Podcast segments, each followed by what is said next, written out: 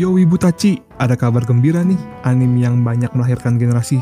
Ceh, Ningen, Mendokusai, dan bocil yang suka ngomong, semua manusia hanyalah alat. Bentar lagi bakal rilis nih season 2-nya. Gua ngarep banget gak ada ngaret-ngaret lagi ya, kayak masalah produksi atau nggak studio-studionya yang ada skandal-skandal aneh-aneh. Soalnya udah kangen banget nih baca ibu-ibu newborn yang spam semua manusia hanyalah alat atau nggak dikit-dikit ceh ningen mendokusai hmm kalau lihat anime ini nih selain dua hal di atas gue juga suka banget sama unsur hone dan tatemae unsur hone dan tatemae itu kira-kira budaya yang suka nyembunyiin perasaan diri sendiri.